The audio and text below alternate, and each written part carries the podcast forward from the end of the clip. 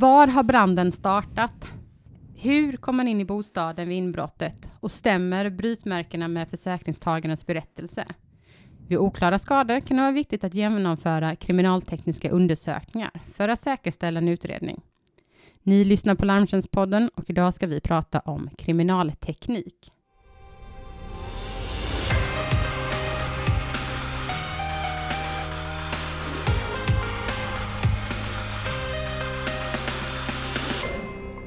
Välkomna till Larmtjänstpodden avsnitt 17.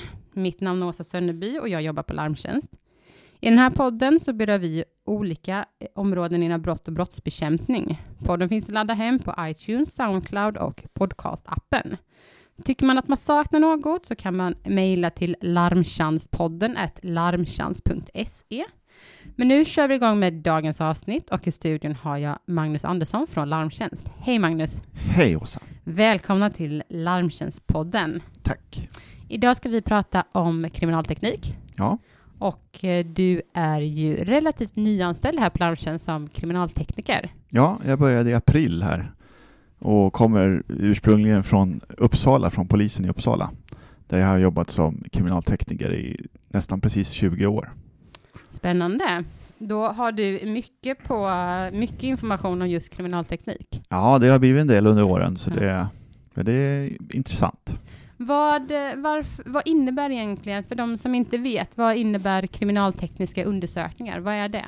Ja, det är ett vitt begrepp, men det man eh, har att göra med det är att försöka hitta spår och försöka utröna ett händelseförlopp på brottsplatser tidigare då och så eh, vad som har hänt på en, på en plats.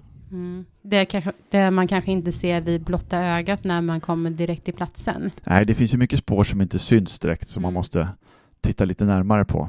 Eh, tidigare så var det mycket skospår och DNA-spår som inte syndes Ja. och numera så är det väl eh, kanske brytmärken som inte syns och sådana saker som man får titta lite närmare på.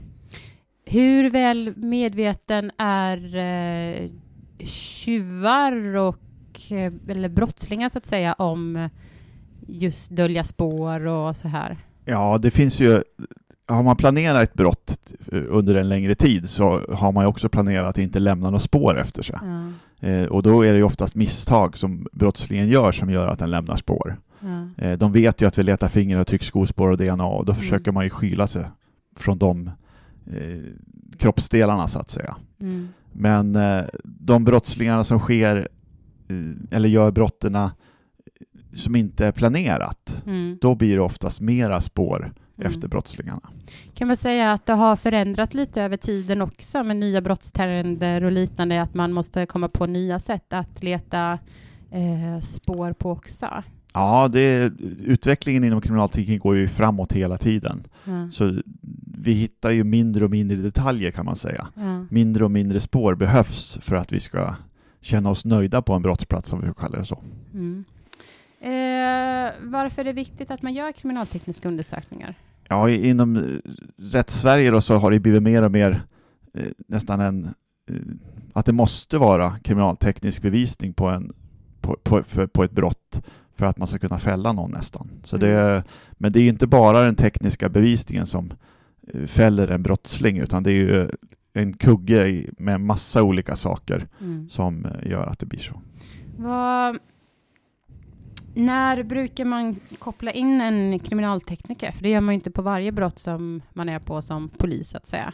Nej, det gör man inte, men vi har väl olika kriterier på när kriminaltekniker, och kriminaltekniker finns i olika det finns kriminaltekniker som undersöker grövre brott och så finns det lokusar som de heter, Mm. som undersöker mindre grova brott eller som undersöker villainbrott och sådana saker som Mm. hjälper. Eh, Som inte har riktigt samma utbildning som kriminalteknikerna har. Men i princip så är det så att alla brott där man kan hitta spår Mm. är det idé att skicka ut en kriminaltekniker Mm. till. Det spelar ingen roll om det är ett källarinbrott eller om det är ett mord. Så finns det spår att säkra så ska det säkras på rätt sätt. Och då ska kriminaltekniken kanske komma till platsen relativt snabbt efter brottet också, för att, eller försvinner spåren efter en tid? Ja, det finns ju spår som försvinner efter en tid och det är Mm. viktigt att, att, man, att man har kontroll på brottsplatsen så ingen kan komma efteråt och säga att jag har varit där efteråt. Nej, precis. Så det är det viktiga, att man håller den avspärrad och bevakad. Ja. Vad, eh, om vi eh, börjar prata om den tiden som när du var på polisen, vad, eh, vad var det främst för skador som ni blev kallade till eller för undersökningar? Oftast så är det ju våldsbrott Ja. som, vi, eh, som tar den mesta tiden så att säga. Sen Mm. höll vi också på med inbrott och bränder. Mm. Men eh, vår huvudsakliga uppgift eh, har varit att eh, titta på våldsbrott, våldtäkter, mm, misshandlar och mord Mm. och sådana saker. Men nu är du ju inom försäkringsbranschen eh, sedan några månader tillbaka. Eh, vad, eh, vad är de främsta man säger, skillnaderna mellan eh, undersökningar som du gör inom försäkringsbranschen och inom polisen? Ja, det är väl lite, vi, vi säkrar ju mindre antal spår i försäkringsbranschen som jag ser i alla fall, Mm. än så länge. Eh, det här med skospår, DNA och fingeravtryck har ju förhoppningsvis polisen redan säkrat på de Ja, platser vi precis. kommer till. Och eh, så det vi ska göra i, i, som en del i försäkringsbranschens utredning är att vi ska säkerställa att händelseförloppet är rätt. Att eh, det som försäkringstagaren säger, att det verkligen är sant. Mm. Och det är då som jag kommer in som ett stöd då till försäkringsbolagen och på ett objektivt sätt försöker eh, komma fram till vad som har hänt på platsen. Och som sagt, som kriminaltekniker på Larmtjänst så är det ju till våra kundbolag, som vi kallar det, våra bolag som är knutna till Larmtjänst, som du gör de här eh, kriminaltekniska undersökningarna. Eh, vilken typ av undersökningar gör du eh, här på Larmtjänst? Ja, det är ju bränder. Både bränder i villor och andra saker och bilbränder. Mm. Sen har jag även varit på några stycken inbrott Mm. där man ifrågasätter om det verkligen har varit inbrott eller inte. Mm. Eh, det är väl det som är. Sen har vi även möjlighet hos oss att eh, göra dokumentundersökningar. Eh, vi har köpt en dokumentläsare eh, och eh, vi kan titta på kvitton och annat om man har gjort ändringar eller sånt Mm. på sådana saker. Eh, men vad är det som, vad är din roll i, eh, när du skickas till exempel på en bilbrand eller på ett inbrott, eh, eh, vad är din roll i själva den här undersökningen? Jag ska, jag ska väl försöka få fram ett händelseförlopp, vad som har hänt på platsen egentligen.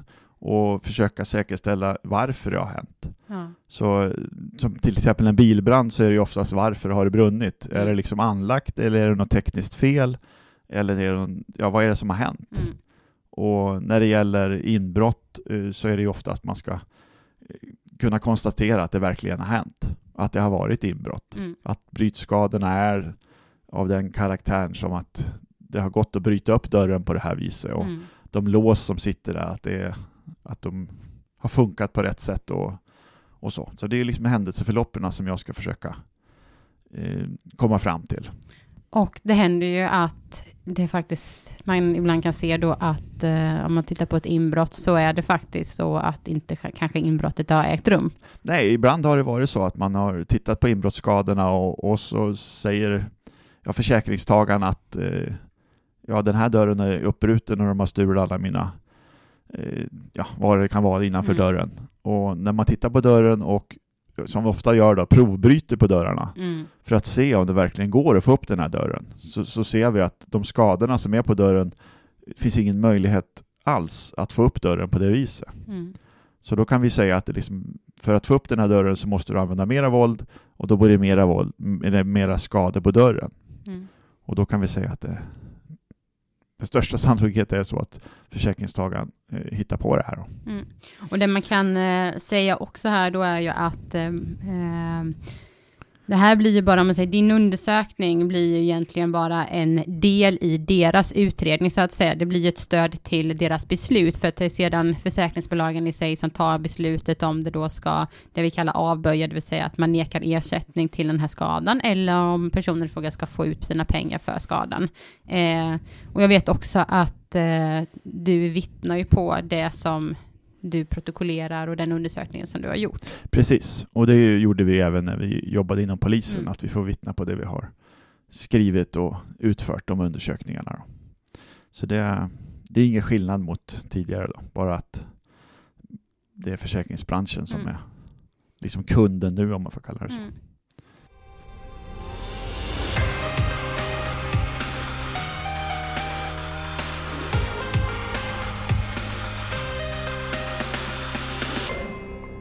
Om vi ska gå in på lite på eh, hur de här rent eh, praktiskt, hur de här undersökningarna går till. Eh, vad man gör när man kommer till platsen, till exempel när du är på en brand, om det nu är en villabrand eller bilbrand, hur, vad händer? Ja, eh, om vi tar en villabrand till exempel så kan man ju fundera innan man åker ut dit om det finns möjligheter att få hjälp utav till exempel våra fyrfotade vänner hunden.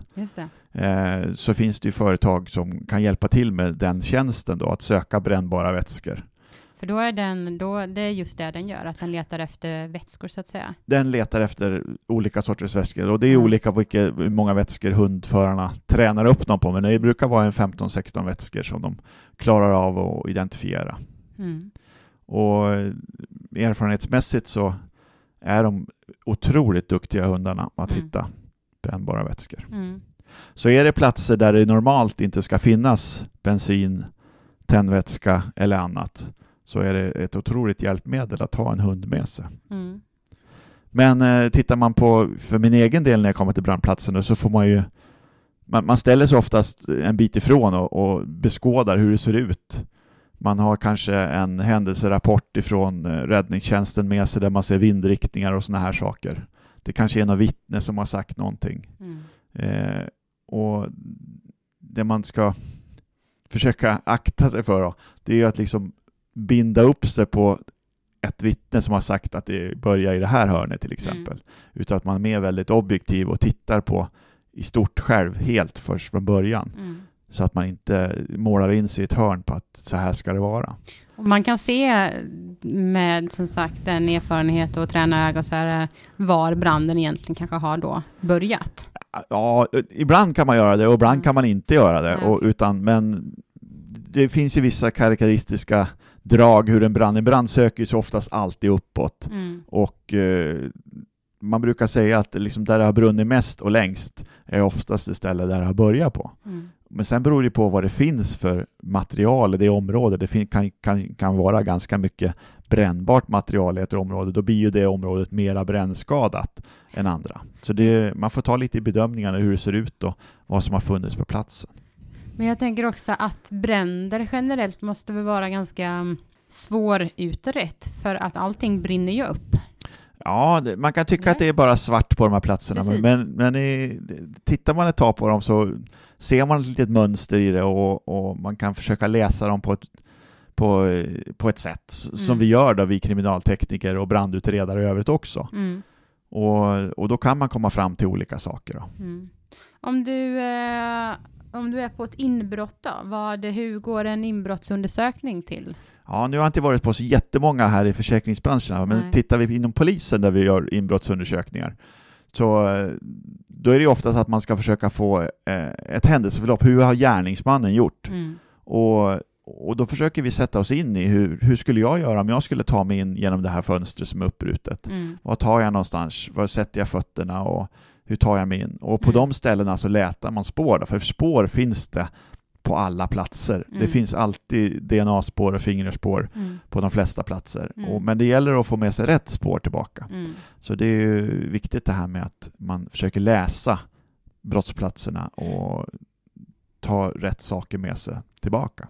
Och om man tar på sig eh, eh, försäkringsbranschens hatt så att säga, då kanske man går mycket också på vad försäkringstagaren har eh, uppgivet. Precis, och det är ju mer det att säkerställa om det verkligen har hänt eller inte har hänt Ja. och finns det möjlighet att ha gjort på det här viset. Och ibland kan det ju vara så, jag har varit med om ärenden där man har sagt att man har haft x, x antal kartonger på en hylla till exempel, Mm. som man vill ha ersättning för. Och sen visar det sig att staplar vi upp de här kartongerna på den här hyllan så får vi inte ens plats med hälften av det. Ja, okej. Så det, så det finns möjligheter då. Så man får tänka till lite grann och, och försöka gräva lite djupare med vad försäkringstagaren säger. Ehm, sen finns det ju även eh, eh, DNA-märkning som man använder eh, som kan vara användbart inom försäkringsbranschen också.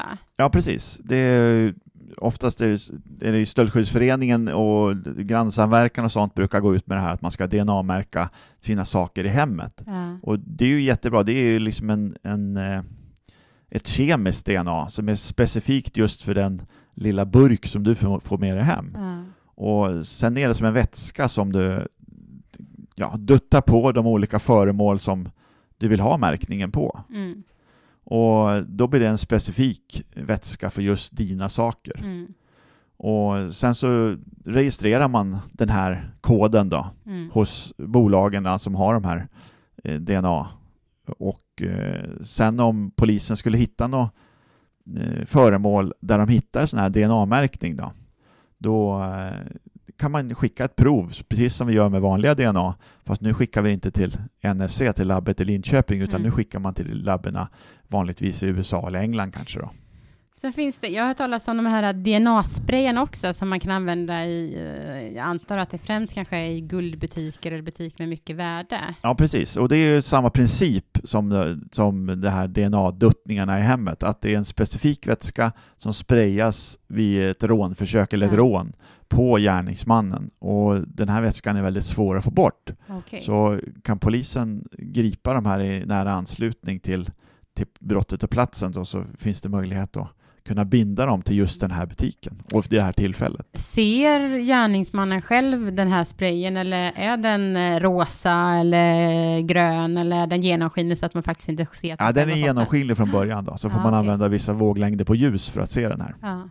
Så eh, personen i fråga eller själva inbrottstjuven eller vem det nu är, han, han ser inte kanske att han har blivit, han ser det inte Nej, han, han, har känner att han får en dusch Ja. och sen så får man lysa på honom Ja. så kan man säga var han kommer ifrån.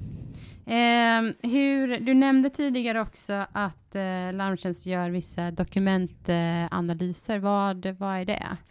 Ja, det är oftast när eh, försäkringstagaren lämnar in kvitton på föremål som de eh, begär ersättning för. Då. Ja. Och eh, om det nu är så att eh, försäkringsbranschen tycker att det verkar konstigt eller underligt med de här kvittona så kan de skicka dem till oss. Mm. Så har vi dels så har vi en, eh, en databas för kvitton Mm. där vi kan titta i basen och se om har det här kvittona förekommit tidigare? Mm. Har man kopierat de här från andra kvitton eller hur ser det ut?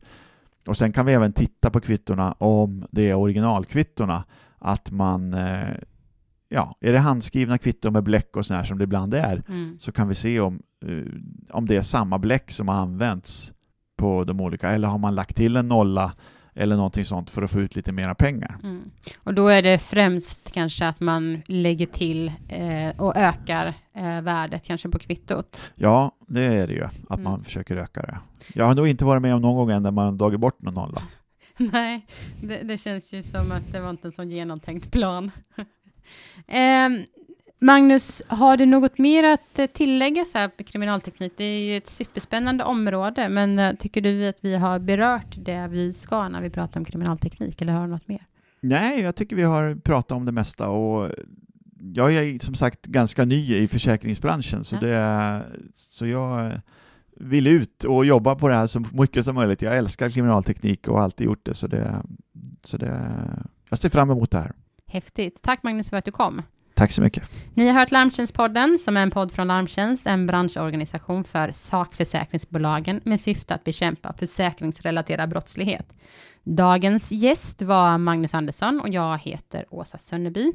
Det här var mitt sista avsnitt innan jag går på föräldraledighet, så efter mig så kommer det kommande avsnitt kommer tas över av eh, Niklas Lindahl. Eh, ni får gärna eh, dela podden i alla era sociala kanaler. Tack för att ni lyssnade.